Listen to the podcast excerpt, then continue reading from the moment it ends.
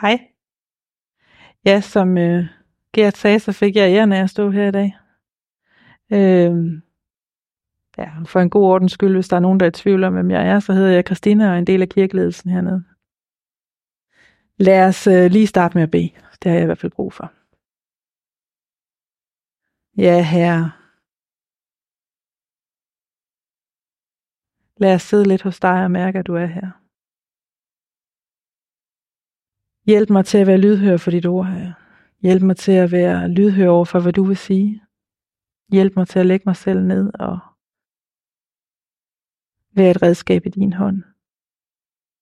Vil du åbne ordet? Vil du nå hjerter? Amen. Ja, yeah. vi skal øh, læse fra Johannes evangeliet kapitel 4, fra vers 5 til vers 26. Han kom der til en by i Samaria, der hed Sykar. I nærheden af det stykke jord, Jakob gav sin søn Josef. Der var Jakobs kilden. Træt af vandringen satte Jesus sig så ved kilden. Det var ved den sjette time. En samaritansk kvinde kom for at hente vand. Jesus sagde til hende, giv mig noget at drikke. Hans disciple var nemlig gået ind til byen for at købe mad. Den samaritanske kvinde sagde til ham, hvordan kan du, en jøde bede mig, en samaritansk kvinde, om noget at drikke. Jøder vil nemlig ikke have noget med samaritaner at gøre. Jesus svarede hende, hvis du kendte Guds gave og vidste, hvem der siger til dig, giv mig noget at drikke, så vil du have bedt ham, og han vil have givet dig levende vand. Kvinden sagde til ham, Herre, du har ingen spand, og brønden er dyb. Hvordan får du, hvor får du så levende vand fra? Du er vel ikke større end vor fader Jakob, som gav os brønden og selv drak af den. Ligesom hans sønner og hans kvæg. Jesus svarede hende, en hver som drikker af dette vand skal tørste igen, men den der drikker af det vand, som jeg vil give, skal aldrig i evighed tørste. Det vand, jeg vil give ham, skal i ham blive en kilde, som vælger med vand til evigt liv. Kvinden sagde til ham, her giv mig det vand, så jeg ikke skal tørste og gå herud og hente vand. Han sagde til hende, gå hen og kald på din mand og kom herud. Kvinden sagde, jeg har ingen mand. Jesus sagde til hende, du har ret, når du siger, du har, jeg har ingen mand. For du har haft fem mænd, og den du har nu er ikke din mand. Der sagde du noget sandt. Kvinden sagde til ham, herre, jeg ser, du er en profet.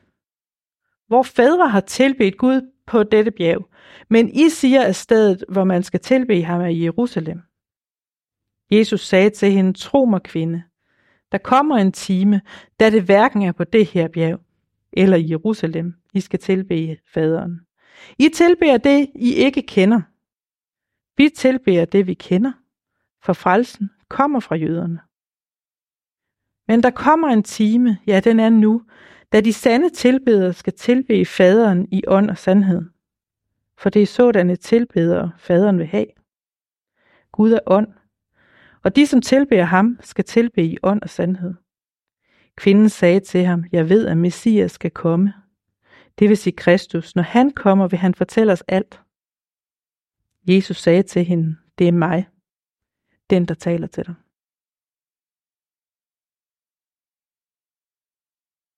Vi skal tale om befrielse fra skam i dag, fik jeg at vide. Øhm, og det må man sige, altså det kan man jo gøre uden at, uden at lave så mange krumspring, fordi det taler, det taler beretningen jo om hele i sig selv. Øhm, men det sted, hvor den her kvinde står, det er et helt særligt sted.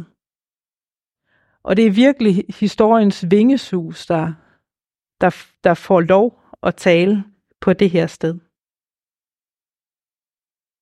Jesus han har været nede i Judæa, nede ved Jerusalem, og dernede er han begyndt at møde modstand, fordi han har medvind. Øhm, og han var så sammen med sine disciple gået ned, på vej ned fra Judæa og så op til Galilea, som ligger helt op nordpå. Og for at komme der, så skal man altså forbi Samaria. Man kan gå forskellige veje, men de fleste judæer, de vælger at gå udenom Samaria, fordi på det her tidspunkt, der var det sådan, at samaritanerne og judæerne, de var ikke just perlevenner. Øhm, men Jesus, han valgte altså at gå igennem Samaria. Ikke nok med det, så sender han disciplene væk for at hente mad, da han står ude for landslov og ret i bane sol midt på dagen. Det her det er et vildt underligt scenarie.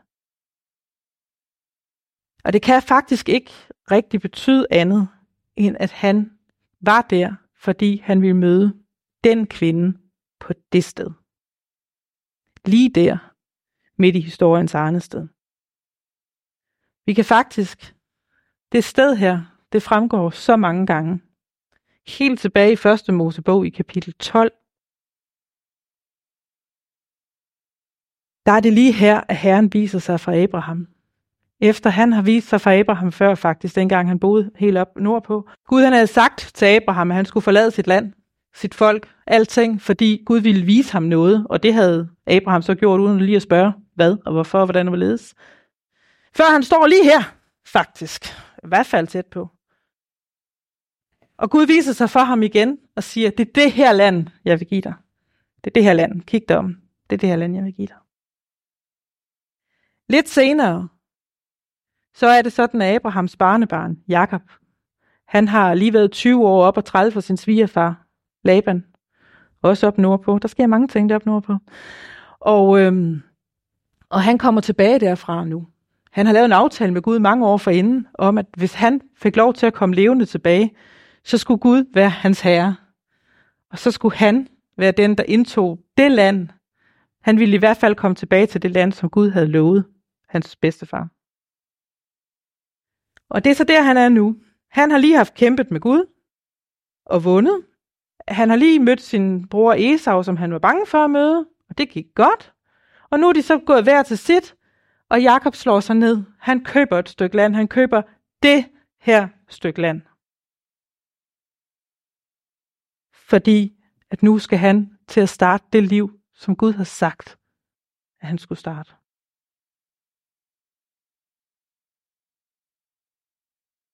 Gert han læste fra Josva-bogen, at 400 år efter det, hvor de har været slaver i Ægypten og 40 år i ørkenen, så får de jo lov til at indtage det her land.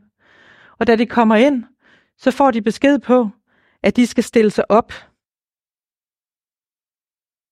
Fordi Gud vil give dem et valg i det her land. Han har indgået en pagt med dem, og den står ikke til at rokke. De er hans folk, og det her er deres land. Sådan vil det være alle dage. Det er der ikke, de kan ikke gøre noget for at ændre på det, men de kan vælge, om de vil leve i hans velsignelse, eller de vil slippe for hans velsignelse. Og lige her, på det her sted, der stod de med halvdelen af stammerne vendt mod Gerizims bjerg, det her bjerg, som kvinden taler om, at de har tilbedt Herren på. Og der skulle de kaste alle velsignelserne ud over det her bjerg, og den anden halvdel af folket, de skulle vende sig den stik modsatte vej mod nord mod Ebals bjerg, og så skulle de kaste alle forbandelserne ud over det bjerg. Fordi Guds løfter, de står ikke til at rokke. Når han har sagt, de er hans folk, når han har sagt i deres land, så er det sådan, det er. Men de kan vælge, om de vil leve i velsignelsen, eller de vil leve i forbandelsen. Kritisk røster, de kan jo nok kigge på den her symbolhandling og sige, det ikke en hård fordømmende Gud. Hvis I, ikke, hvis, I ikke op, hvis I ikke overholder det, som jeg har sagt til jer, så kan I bare være forbandet. Men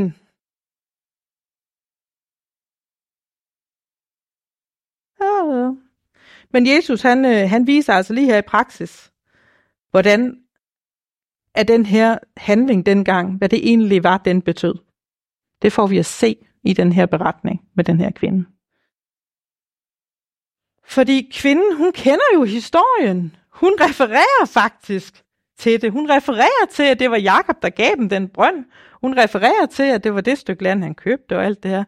Hun refererer også til, at det er det rigtige sted. Øh, at det, det er for dem, der, der boede i det land, der boede i den del af landet, det rigtige sted at tilbe Herren, men, men for jøderne, de, de, de følger så det, som David sagde, det var i templet. Prøv lige at forestille jer, den her kvinde, hun hver eneste dag, hver dag, går ud for at hente vand ude ved den brønd. Lige der, hvor hun ved, at Gud helt konkret har vist sig for sine forfædre og givet dem et liv, der ser helt anderledes ud, end det liv, de har haft.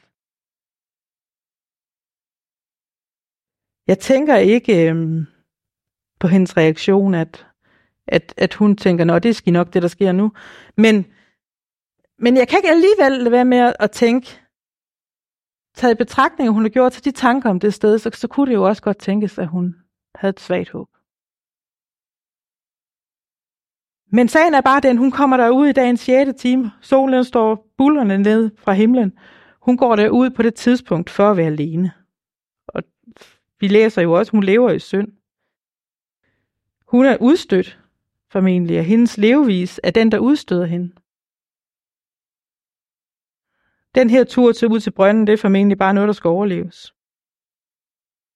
Men tænk sig, hvis hun rent fakt, hvis nu Gud rent faktisk åbenbarer sig for hende lige der, som han havde gjort flere gange før, og gav hende et nyt liv under hans forsørgelse.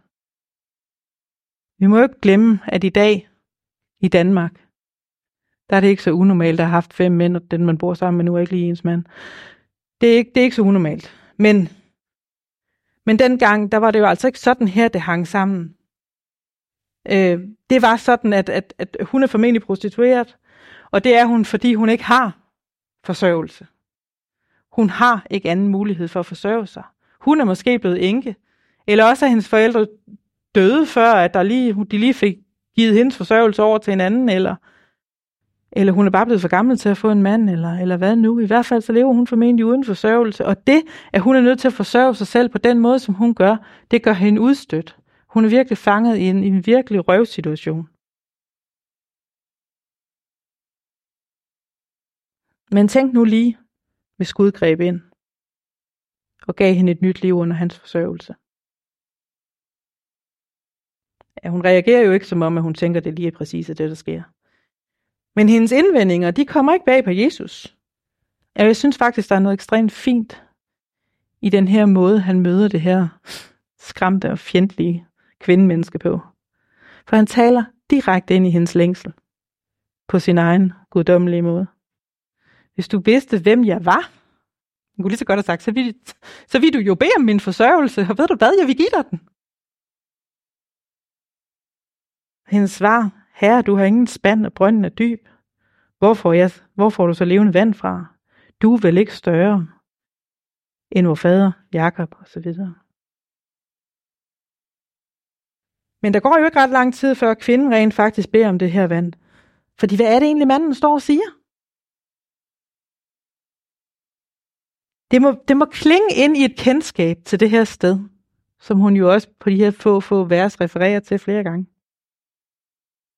Der står en eller anden fremmed jøde, og man siger, at skulle komme fra jøderne, der taler til hende med en guddommelig myndighed, og alligevel ydmyger sig til at tale med en kvinde, med en samaritansk kvinde, og faktisk bede hende om hjælp. Og lige så snart at kvinden fatter interesse for Jesu budskab, så sker der det her fuldstændig, altså det er bare en pudsig situation, men det bliver da kun værre, da han bare sætter fingeren lige på det ømme punkt, altså ved at bede hende hen til sin mand. Jeg synes ikke, det er fri for at være en anelse provokerende, for at sige det lige rent ud. Og måske faktisk også lidt sovende, fordi vi ved jo godt, at han rent faktisk ved, hvad hendes situation er. Det er ikke sådan, så det kom han lige til at sige ved et uheld. Det var, det var helt bevidst, det her.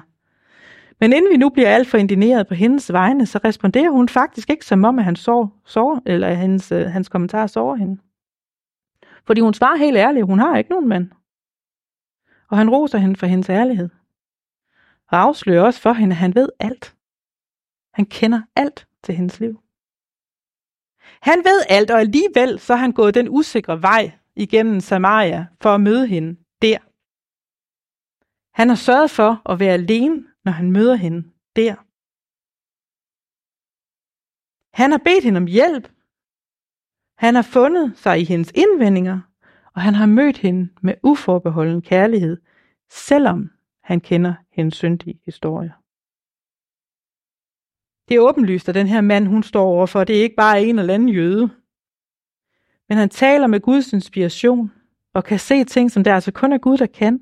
Og hun antager da også, at han er en profet. Og jeg tænker, at hun sådan lige tænker, at jeg, jeg griber lige chancen. Fordi så kunne hun egentlig godt lige tænke sig at få styr på det der med, hvor er det så, vi skal tilbe? Altså, er det, som vi antager, at er det på det her bjerg, som, øh, som vi har fået at vide, eller er det i Jerusalem? Øhm, fordi det betyder faktisk noget for hende. Det betyder faktisk noget for hende, når hun står lige der for foden af Gerizims bjerg, sammen med en profet, der måske rent faktisk kan give hende det svar.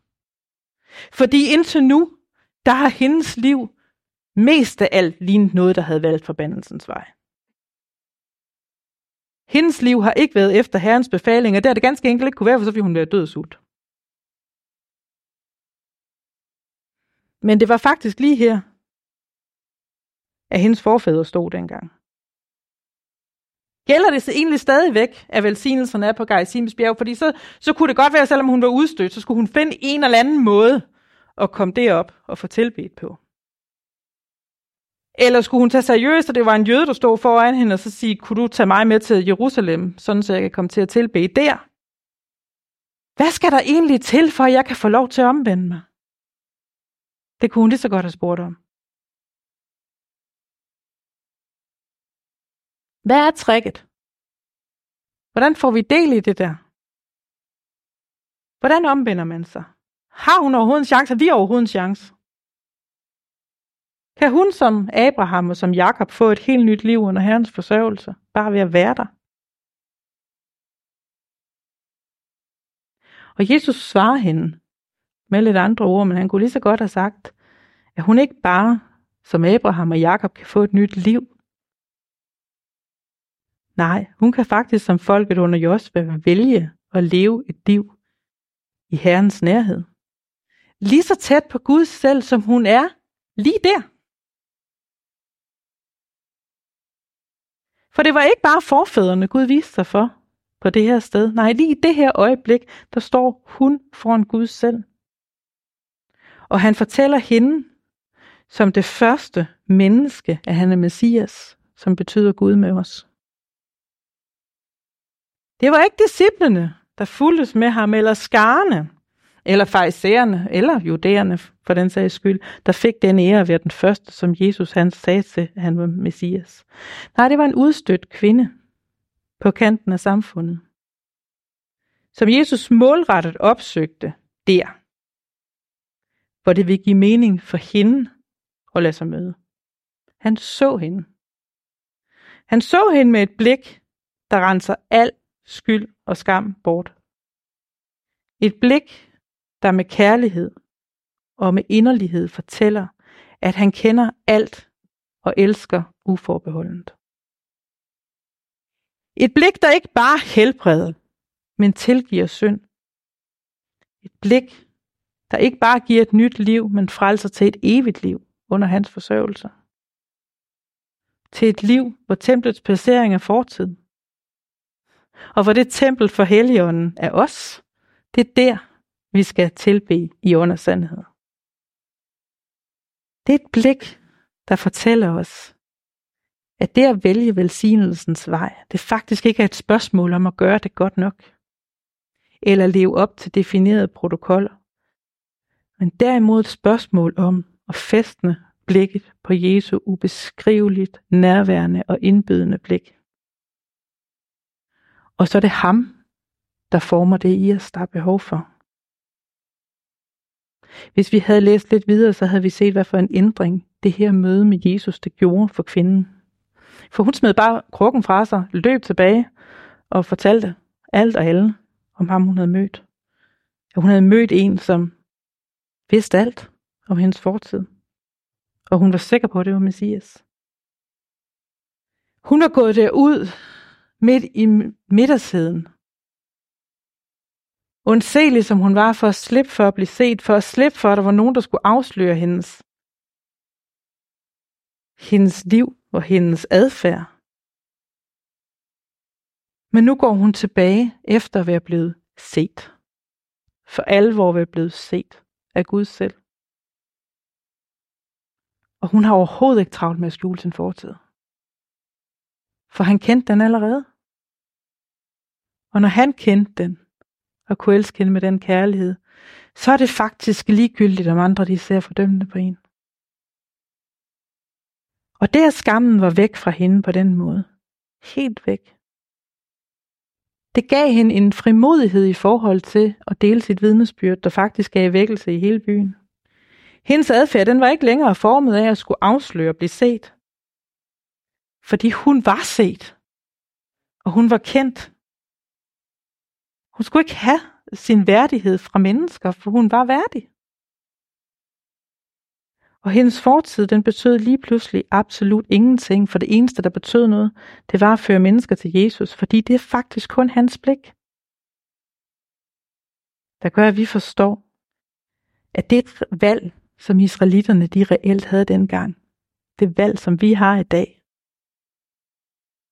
At leve i hans nærvær. Det er det, velsignelsens vej er. At være tæt på ham, det er det, velsignelsens vej er. Kvinden, hun valgte velsignelsens vej lige der. Hun blev mødt af Jesus, og hun gav alt til ham, så han kunne give til hende. Eller tilgive hende, hvis vi vender det ord om. Det er faktisk det, det betyder.